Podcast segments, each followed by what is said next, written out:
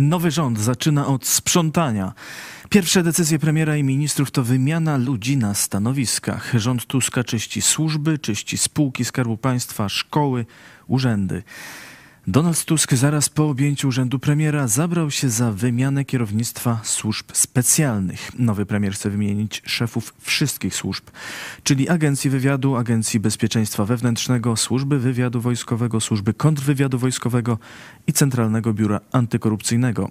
Donald Tusk już wczoraj, zaraz po zaprzysiężeniu, złożył wnioski o odwołanie szefów tych służb w Sejmowej Komisji do Spraw Służb Specjalnych. Komisja ma obowiązek takie wnioski opiniować, choć premier nie musi e, uwzględniać treści tych opinii. Opinia została wydana jeszcze tego samego dnia i we wszystkich przypadkach była pozytywna. Przeciwny był tylko jeden członek komisji, poseł PiS Waldemar Andzel. Pozytywną opinię wydało też Rządowe Kolegium do Spraw Służb Specjalnych. Przed zmianami premier musi uzyskać jeszcze opinię prezydenta.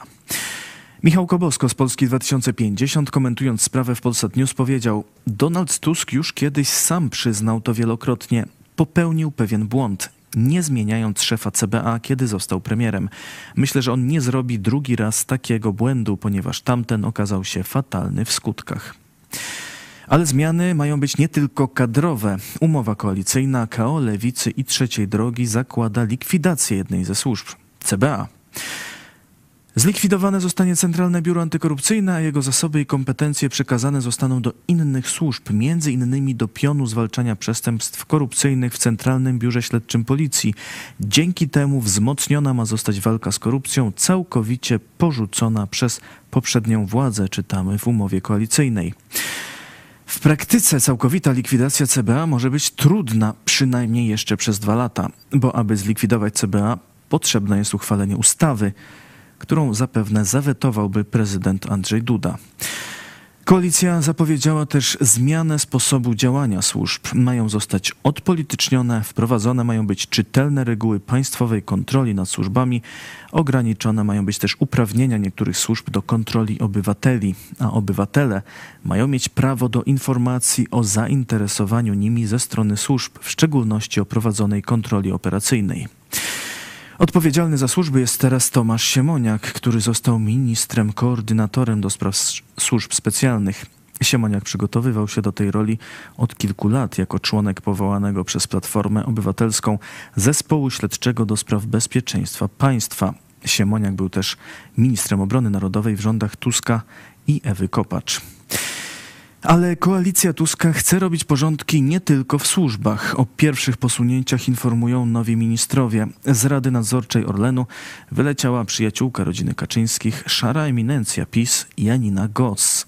W czasie rządów PiS Janina Goss zasiadała w radach nadzorczych kolejno Telewizji Polskiej, Polskiej Grupy Energetycznej, Banku Ochrony Środowiska i Orlenu. W sumie mogła zarobić z tego tytułu ponad półtora miliona złotych. O dymisji poinformował minister aktywów państwowych Borys Budka. Nowy minister zapowiedział też audyt we wszystkich spółkach Skarbu Państwa.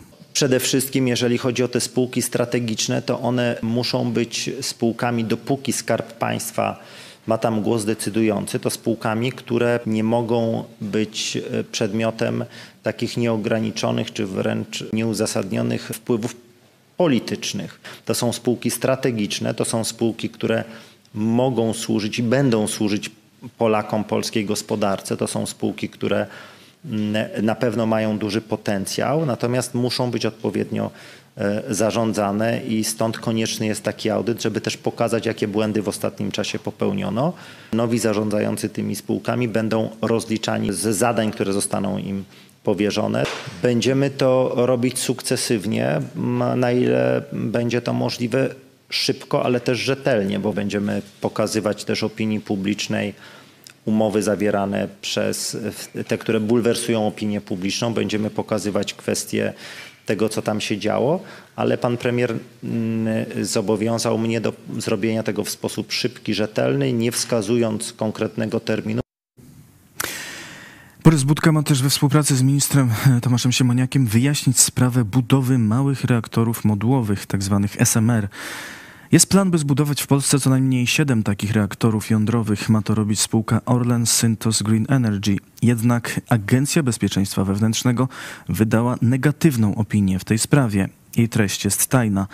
Pomimo negatywnej opinii kontrwywiadu, minister klimatu w ostatnim rządzie Mateusza Morawieckiego, Anna Łukaszewska-Trzeciakowska, która pełniła urząd przez dwa tygodnie, wydała decyzje lokalizacyjne umożliwiające realizację inwestycji. Borys Budka stwierdził w zeszłym tygodniu, że jedna z największych afer na końcówce tych rządów to jest działalność Obajtka i działalność związana z budową SMR. I to zostanie wyjaśnione w pierwszych dniach. Minister chwilowa, 14-dniowa, która wcześniej pracowała dla Orlenu, wydaje decyzję korzystną dla Orlenu. To jest prywatne państwo Obajtka, oligarchia na miarę państw wschodnich. Wczoraj już jako minister zapewnił, że sprawa będzie wyjaśniana. Jest jeszcze kwestia pilnego wyjaśnienia na polecenie premiera mm, kwestii związanych z inwestycją w SMR-y, ale to e, minister koordynator służb, służb e, specjalnych tutaj dostał również zadanie mm, wyjaśnienia tych kwestii. Ja ze swej strony jestem też do dyspozycji i też będziemy badać tę sprawę pod kątem oczywiście nadzoru właścicielskiego, bo tu przypomnę, że to są kwestie, które są pośrednio nadzorowane, bo to jest spółka tworzona przez podmiot prywatny i przez e, PKN Orlen. Sprzątanie zaczyna się też oczywiście w wymiarze sprawiedliwości. Ministrem sprawiedliwości został były Rzecznik Praw Obywatelskich senator Adam Bodnar ale do przywracania praworządności powołano zespół międzyresortowy. Chciałbym Państwa poinformować, że pan premier Tusk podpisał również dzisiaj zarządzenie w sprawie powołania międzyresortowego zespołu do spraw przywracania e, praworządności. To jest zespół, w skład którego wchodzą przedstawiciele e, poszczególnych ministerstw, które są, które są za to odpowiedzialne, czyli nie tylko Ministerstwo Sprawiedliwości, ale też Ministerstwo Spraw Zagranicznych, Ministerstwo do Spraw Unii Europejskiej oraz Ministerstwo do Spraw e, Funduszy Regionalnych i Funduszy Europejskich europejskich i rolą tego zespołu będzie koordynowanie różnych działań e, w zakresie funkcjonowania rządu. E, proszę zauważyć, że te działania są istotne, ponieważ musimy mieć takie właśnie e, wspólne oddziaływanie i podejście, zwłaszcza do rekomendacji unijnych, do orzecznictwa Trybunału w Luksemburgu, Trybunału w Strasburgu i odpowiednio przedstawiać nasze stanowiska. Wymieniani zaczęli być też wojewodowie. Jak przy każdej zmianie władzy, zaczyna się też wymiana kuratorów oświaty. O tym mówiła minister edukacji Barbara Nowacka. Będą przeprowadzone pilne zmiany w kuratoriach, o czym informuję uprzejmie również wszystkie osoby, które dzisiaj na tych stanowiskach kuratoryjnych są. Że ta zmiana nastąpi bardzo szybko, w najbliższych dniach. Doskonale wiemy, jak zachowywali się kuratorzy i kuratorki. Będziemy też robić audyt sprawdzać wszystkie wydatki, ich zasadność, ich sensowność. Doskonale pamiętamy skandale przy chociażby programie Villa Plus, gdzie bez podania budżetu organizacja potrafiła dostać milion złotych na budowę sceny obrotowej. To nie jest wydatek na edukację, proszę Państwa. Tak samo jak willa, w której a, szef fundacji może zamieszkać. To są rzeczy, które będziemy sprawdzać, które będziemy nadzorować.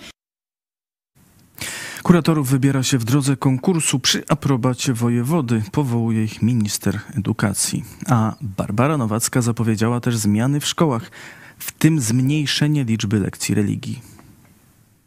Patrząc na to, jak obciążona jest dzisiaj młodzież, jak wiele przed nimi zadań, jak wiele trudów, jak wiele często pracy, lekcja godzinna religii finansowana z budżetu państwa, i to jest moje zdanie osobiste, jest w zupełności wystarczająca na ten czas. To jest model, który będę proponowała. Chciałabym też, żeby decyzje w szkołach mogli podejmować rodzice i samorządy, bo może być sytuacja, że ktoś powie, że im zależy na większej liczbie godzin, natomiast uważam, że z budżetu państwa przy takich obciążeniach, w tym przede wszystkim obciążeniach młodych osób, trzeba wyrównać ilość lekcji religii w porównaniu z lekcjami chemii, biologii, fizyki. I druga rzecz, ocena z religii nie powinna być liczona do średniej, ponieważ nie jest to oceniająca wiedzę, tylko oceniająca formację i wiarę. Nie wydaje mi się to właściwe, nie wydaje mi się to równościowe. My żeśmy zadeklarowali jako koalicja obywatelska, że będziemy odchodzili od prac domowych i oczywiście rewolucja też jest niemożliwa i zapewniam nauczycieli, że nie nastąpi to z dnia na dzień, ale korzystając z tego miejsca, z tego dnia, chciałabym serdecznie zaapelować do wszystkich nauczycielek i nauczycieli, szczególnie szkół podstawowych, żeby w tym roku na zbliżające się święta dali dzieciakom wolne również od prac domowych. A my zajmiemy się tym, żeby program nauczania był tak odchudzony, żeby bez nadmiernej ilości prac domowych było po prostu wszystkim w szkole dobrze. Nowi ministrowie szybko zabrali się za wyczyszczenie, jak to nazwał Donald Tusk w ekspoze stajni Augiasza. A czy po tym czyszczeniu faktycznie będzie czyściej? Zobaczymy. Zapraszam jeszcze dziś o 18 na pierwszy odcinek nowego vloga Święta Inaczej i do zobaczenia jutro.